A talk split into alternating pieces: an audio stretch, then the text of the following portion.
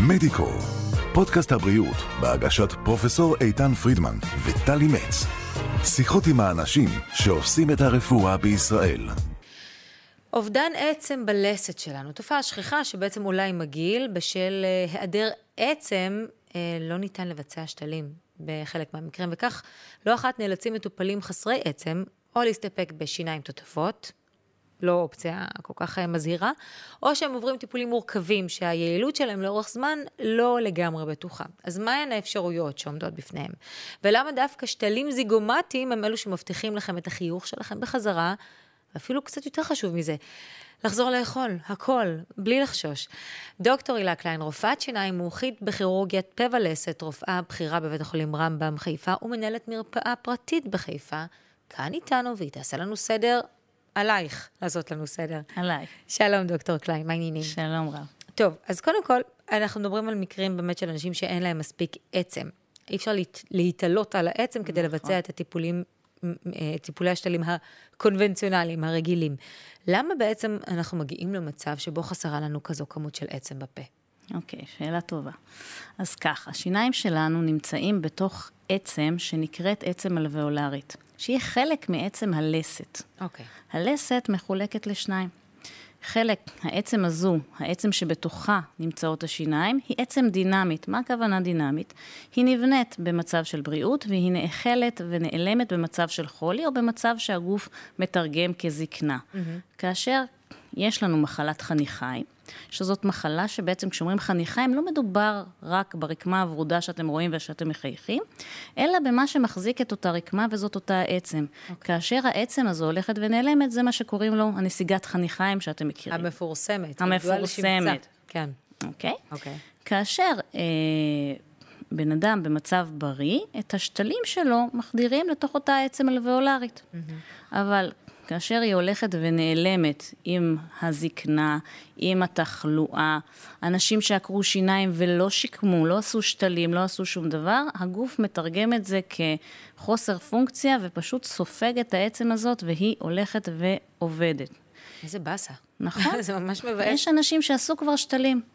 ומכירים את זה, עשינו שתלים, החזיק יפה את ה-12 שנה, לפעמים יותר, ומגיעים למצב, מגיעים לרופא השיניים, עושים צילום, רואים שכל העצם נספגה וצריך להוציא את הכל, אבל על מה עושים משהו חדש? נכון. לא נותרה שם עצם. וכבר עשינו את השתלים, כבר עברנו את הפרוצדורה, נכון. כבר שילמנו את הכסף. נכון. ועדיין זה לא, זה לא ודאי. זאת אומרת, זה לא ודאי, זה לא לכל החיים. וואו. תגידי, יש דרך להימנע מאובדן עצם בשן? כן, בוודאי. בפה, סליחה. בוודאי. אה, אובדן עצם, בעצם בשמה, כמו שאמרתי, זאת מחלת חניכיים. ישנה נסיגה של העצם, זה בדרך כלל קורה ממחלת חניכיים. אם מטפלים בה בשלב מוקדם, מטיפול בשלב מוקדם בשביל להציל עצם, זה לא בהכרח רק לנסות להציל את השיניים. אנשים יש להם קונספט, בואו נציל כל שן ושן בפה. אנחנו מצילים שיניים, באים להציל שן, שלשן, עם כל הכבוד, יש לה תחליף. כן. אנשים חייבים לדעת, יש תחליף לשיניים, נכון, זה לא מה שנולדת איתו, אבל זה הכי קרוב שאפשר, אני חושבת ברפואה, שתלים דנטליים, הכי קרוב לדבר האמיתי. כן. אבל כשאתה מתחיל לשמור את השיניים שחולות במחלת חניכיים, המחלה היא לא בשן. המחלה היא בחניכיים, ומה שאתה מאבד זה את המשאב הכי חשוב שיש לך, זה את העצם שלך. שלזה כבר ממש קשה למצוא נכון, תחליף נכון, הולם. נכון. אבל את יודעת, אני מכירה את, ה, את הפרוצדורה הקלאסית, נקרא לזה ככה, כשאין עצם, אז עושים הרמות סינוס וכל מיני כאלה מעקפים, מה שנקרא. למה זה לא מספיק? את צודקת, מהמקרים? הרמת סינוס זו פרוצדורה מאוד מאוד טובה, כאשר לך, האדם, יש איזושהי עצם מהבית. זאת אומרת, נשאר לך משהו מתחת לסינוס הזה. ככל שהסינוס הוא יותר חלול ופחות עצם קיימת לך, זאת אומרת, אפס עצם זמינה לרופא, והוא מסתמך על 100% השתלת עצם, יהיה הרופא הטוב ביותר ועם החומרים הכי טובים והפרוצדורה הכי טובה, הסבירות של זה הולכת ויורדת, הפרוגנוזה של ההצלחה הולכת ויורדת. אנחנו יודעים להשיג כמות מסוימת של עצם, אבל אנחנו רוצים לשחזר גובה ורטיקלי, את גובה של הפנים. איבדנו ממש, אה, ממש גובה. אנשים יכולים לדמיין, אה, אנשים מבוגרים שפעם היו מסתובבים עם תותבות ומורידים את התותבות, הפנים נהיים נמוכים. יותר. צימוק, צימוק פשוט. קטן, כן. איבדת ממש גובה. את זה מאוד קשה להחזיר בפרוצדורות שאת קוראת להן השתלת עצם. כן. כי היא לא נועדה לכזה נפח אובדן. בדיוק. טוב, אז בואי, בואי ניגש לעניין ברשותך. שתלים זיגומטיים, אנחנו מדברים על שתלים שבעצם מורכבים על, על, על עצמות הזיגום, עצמות הזיגום. העצמות הלחיים המוכרות לנו אלו, נכון. ואני רוצה שאולי ננסה להבין קודם כל, האם כל אדם שסובל מחוסר עצם בפה, בהכרח יצטרך לעבור השתלת שתלים זיגומטיים. אה, אם הוא רוצה שיניים קבועות, צריך לעשות הערכה של הלסת, צריך לעשות CT מיוחד, שהוא נעשה בפרוטוקול של זיגומה. זאת אומרת, לא כל CT דנטלי שאתם הולכים ועושים במכון, הוא כולל את עצמות, את עצמות הלחי. כי זה כאילו לא אמור להיות מעורב. נכון, זה לא אמור להיות מעורב. וצריך להעריך מה יש ומה אין. כאשר בן אדם איבד את כל גובה הלסת שלו, איבד את כל העצם, אז כן, צריך להסתמך רק על אותה אה, עצם לחי. אבל כאשר יש לנו עוד עצם ממקום אחר, אז אפשר להסתמך על... צריך באמת לבדוק כל עניין נכון, לגופו. תגידי, אבל מה בעצם מיוחד בשתלים האלו? מעבר לזה שהם אה, ככל הנראה יותר ארוכים, כי הם צריכים להגיע למקום הרבה יותר אה, גבוה ב, במבנה הפנים שלנו, בלסת שלנו, מעבר לזה, מה מיוחד בהם? המיוחד בהם שהם מעוגנים לעצמות הלחי. העצם הזאת לא משתחלפת. גם אם תראי אדם מבוגר שלא עשה שיניים ונשאר עם תותבות, ואיבד את כל גובה הלסת שלו, לא תראי שהלחי שלו נאכלת. לא תראי שהפנים שלו נעלמו. גם זה לא. בגולגולת, אה, נכון. אנחנו רואים גם גולגולת, תראי זה- גולגולת, זה שם. נכון. בסדר, גולגולת יכולה למצוא גם עם שיניים, אבל זה גם לצורך נכון, העניין... במקרים אה, אחרים, כן. לצורך העניין, גם לסת שהיא לגמרי אטרופית, מעליה יש את עצמות הלחי. כן, וזה בנק אה, הכי זמין, הכי נוח. אוקיי.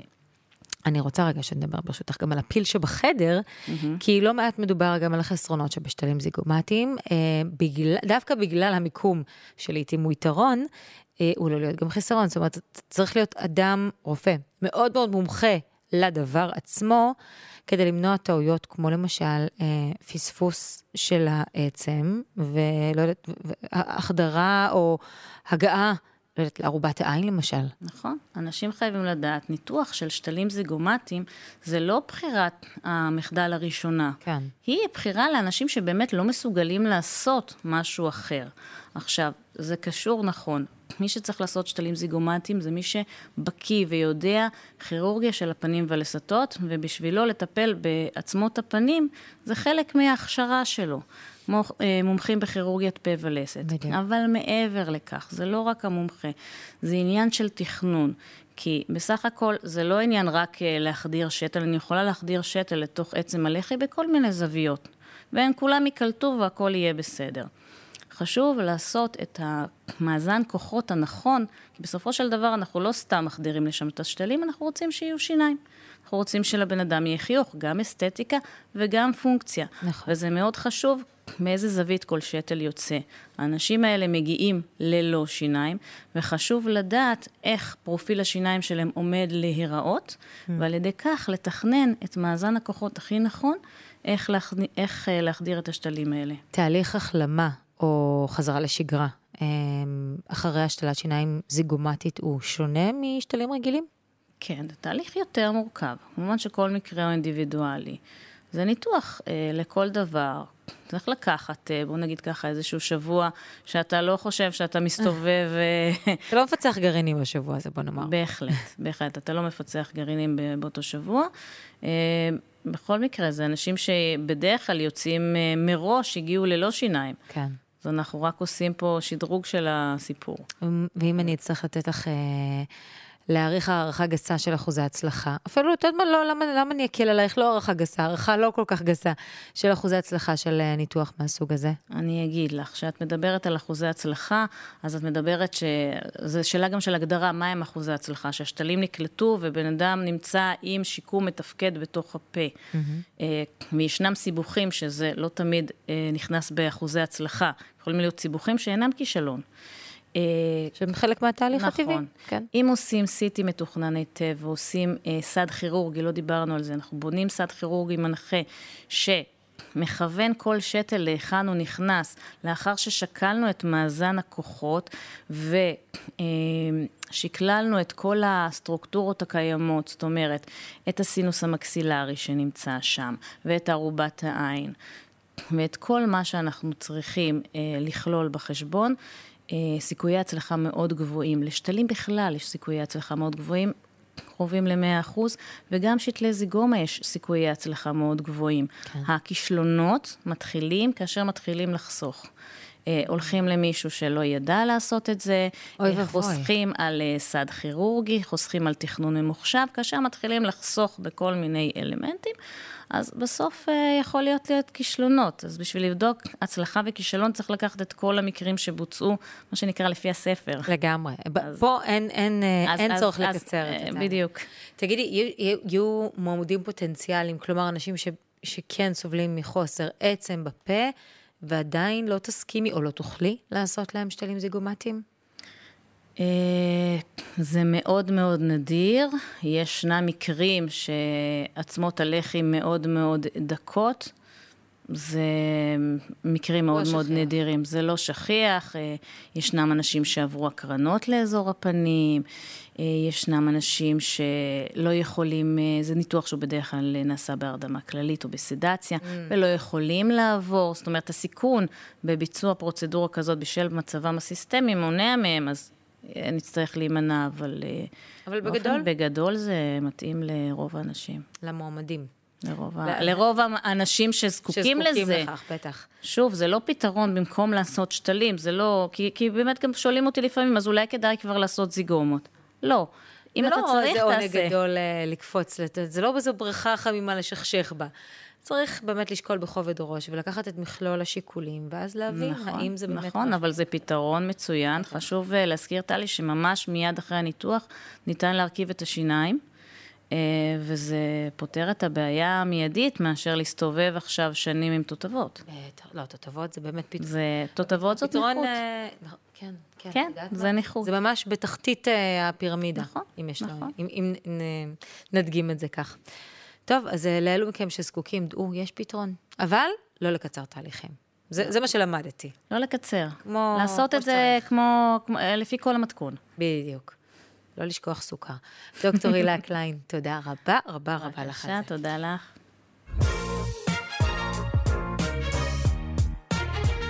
מדיקו, פודקאסט הבריאות בהגשת פרופסור איתן פרידמן וטלי מצ.